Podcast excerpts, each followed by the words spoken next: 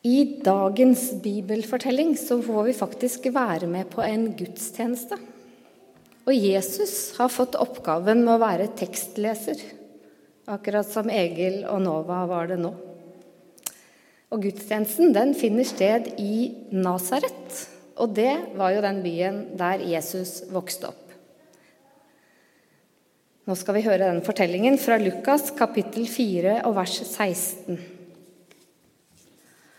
Han kom nå til Nasaret, hvor han var vokst opp, og på sabbaten gikk han inn i synagogen slik han pleide. Da han reiste seg for å lese, rakte de ham profeten Jesajas bok. Han åpnet bokrullen og fant stedet der det står skrevet:" Herrens ånd er over meg, for han har salvet meg til å forkynne et godt budskap for fattige. Han har sendt meg for å rope ut at fanger skal få frihet, og blinde få synet igjen, og for å sette undertrykte fri, og rope ut et nådens år fra Herren.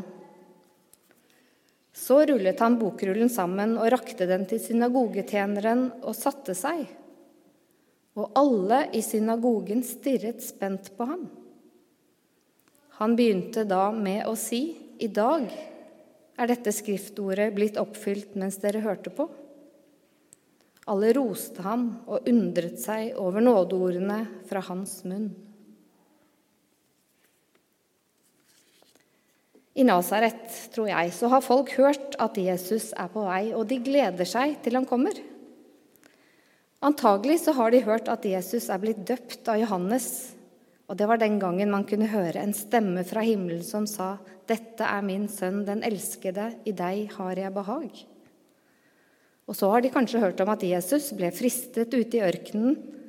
Han ble satt på prøve etter prøve for å bli sterk nok til å ta på seg den store oppgaven som Gud hadde gitt ham.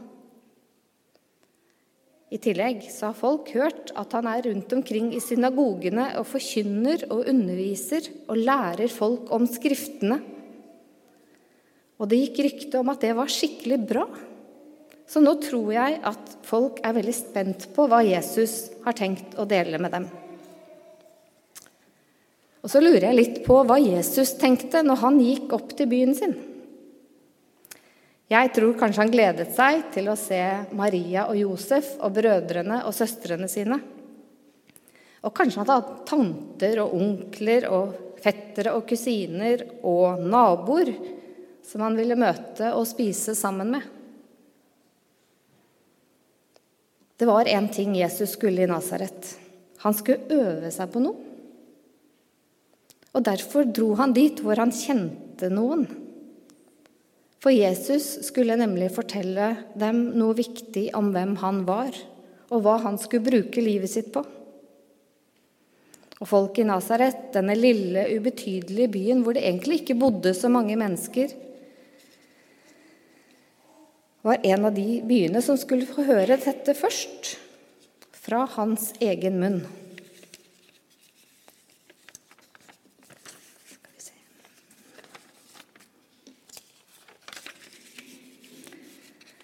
Jesus ville prøve budskapet på noen han kjente.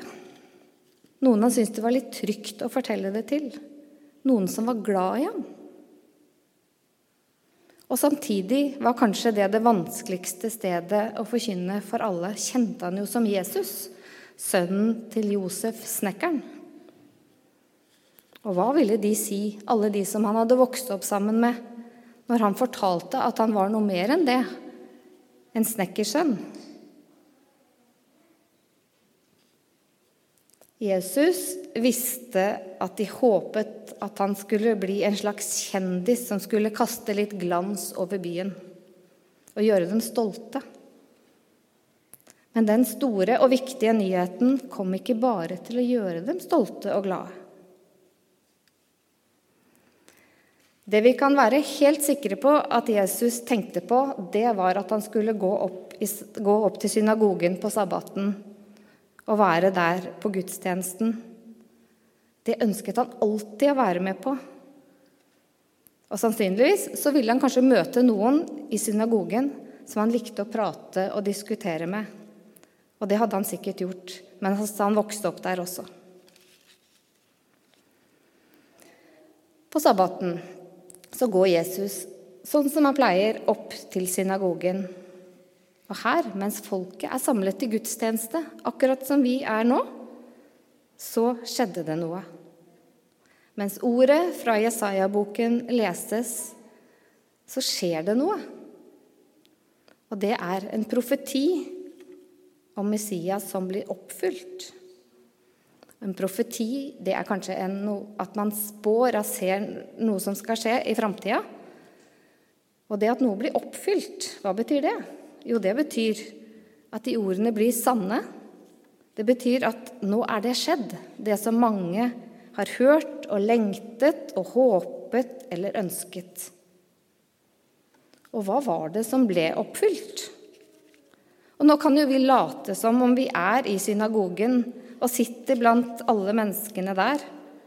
Og så reiser Jesus seg for å være tekstleser. Og de ordene han leser, er så fine at vi må høre de en gang til.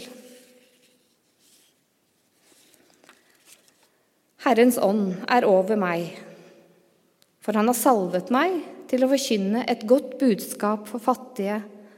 Han har sendt meg for å rope ut at fanger skal få frihet og blinde få syn igjen, for å sende undertrykte fri og rope ut et nådens år fra Herren. Og nå tror jeg det er ganske stille i synagogen. Det må ha vært rart å være der og høre Jesus tale for første gang.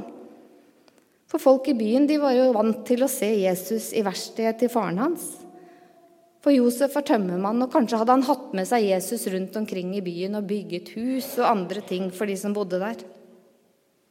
Men nå stirrer alle i synagogen på Jesus fordi han har lest noen vers i Skriften som var mer enn 700 år gamle, og de handlet om akkurat det de hadde håpet på og lengtet etter i mange hundre år.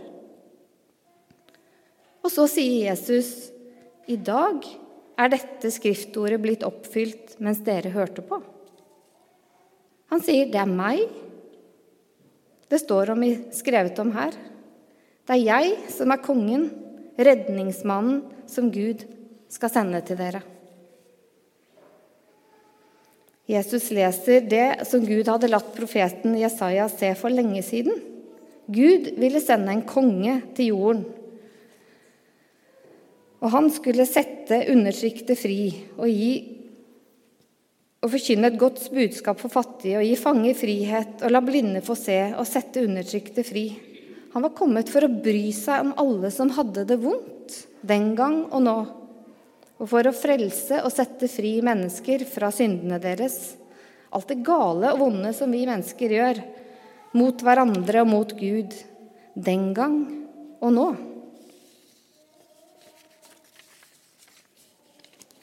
Og det skjer når han dør på korset og står opp etter tre dager. Så lover Jesus et nådens år. Og det tror jeg peker fram mot det som venter oss en gang der framme. Det er da alt skal føres tilbake og settes i stand slik Gud ønsker at det skal være. En fremtid med en ny himmel og en ny jord og Jesus har gjort det mulig for oss å tro og håpe på en framtid i Guds rike. Og det er et budskap til oss, og det bør gi oss en stor glede. Og så står det at folk undret seg. Og på søndagsskolen, når vi har lest dagens tekst og jobbet litt med dagens bibelfortelling, så er det noe som heter undring. Og da undrer vi oss litt sammen over hva denne bibelteksten kan bety hva vi skal tenke på, eller hva vi kan lære, eller hva vi skal huske på i denne fortellingen. Så det kommer nå. Og se om dere har tenkt på noen av de samme tankene som jeg har tenkt på, kanskje, når dere hørte denne fortellingen. Det er jo ikke sikkert. Men her kommer noe jeg tenkte på. Den store nyheten som Jesus skulle fortelle, den ble ikke forstått og trodd i synagogen i Nasaret. Isteden står det senere i den fortellingen at de ble ganske forskrekket, og de ble skuffet, og de ble sinte eller til og med rasende. Å tro at Jesus var Guds sønn Messias, som de hadde ventet på så lenge, nei, det var ikke til å forstå. For de hadde forventninger om en helt annen, en konge som skulle befri dem fra romerne og andre, andre ting enn det Jesus kom for å fri menneskene fra. Slik var det i grunn på veldig mange av de stedene Jesus kom. Det var vanskelig for folk å tro at det han sa, var sant. Og slik er det i dag også. Det er mange som syns at det er vanskelig å tro på Jesus. Men vi skal ikke gi opp. For i alle generasjoner siden Jesus var på jorda, så er det noen som har trodd og tatt imot det gode budskapet. Og ved Guds hjelp har mange kommet til tro på Jesus når folk har vitnet om ham. En annen fin ting i denne fortellingen er at den viser oss noen Jesus vil at vi skal se. Nå skal vi ha fire uker med advent, og vi skal feire Jesu fødselsdag. Og da er det mulig for oss å feste øynene på dem som Jesus festet øynene på. Fattige, fanger, blinde og undertrykte. Og ikke på oss selv. For det er lett å bli litt selvopptatt i adventstida og juletida. Og det motsatte av selvopptatthet er kjærlighet. Og jeg ønsker for oss alle at hvis denne adventen, i, den, i advent og jul kan bli en tid hvor vi gir kjærlighet og våger å ta imot kjærlighet. Jesus var glad i å gå i synagogen. La oss som Jesus søke til kirken og fellesskapet i denne tida før jul. Der leses Guds ord også til våre liv og til vårt fellesskap. For Gud ville skape seg et folk og bringe mennesker sammen. Når vi kommer sammen som menighet her i kirken, så innvier vi livet vårt til Gud og dagene våre til Ham og ønsker at hele uken skal bli berørt av det vi hører i kirken på søndagen. Vi er vitner, og derfor går vi i kirken. Vi setter av tid til Gud og hverandre hver søndag. Og de fine tekstene i adventstida de peker framover. Ikke først og fremst til jul, men til at Jesus kommer til oss, og at han kommer igjen. Og så kan kanskje vi som Jesus øve oss på noe. Øve oss å snakke sammen om tro, hva vi tror på. Så la oss kanskje gjøre plass til de viktige samtalene og dele med hverandre gledesbudskapet som Jesus kom med. Kanskje syns ikke du at det er så lett å prate om Jesus eller troen din i din familie. Men det går an å øve seg med noen du er glad i. Spør om du kan fortelle noe fra Bibelen eller noe som betyr mye for deg. Og så skal vi lytte til hverandres fortellinger. Til barnas fortellinger, de unges fortellinger, de voksnes fortellinger og de eldres fortellinger. Og våre erfaringer med Jesus. Det utfordrende spørsmålet som dukker opp hos meg, er hvorfor er det så vanskelig for mange å tro på Jesus? Men det dukker opp et annet viktig spørsmål som er enda viktigere. Og det er hvordan kan du og jeg være gode vitner med, med vår tro og vårt liv? Hvordan kan du og jeg være gode vitner med vår tro og vårt liv? La oss be. Kjære Gud, du som holder alle tider i din hånd. Rop ut over oss et nådens år, så vi kan reise oss og bli i stand til å tjene deg og vår neste.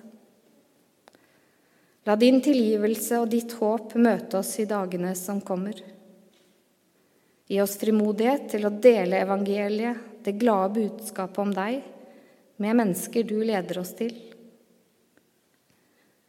Gud, takk for at du sendte Jesus til jorden med glede, fred og håp til alle mennesker. Amen.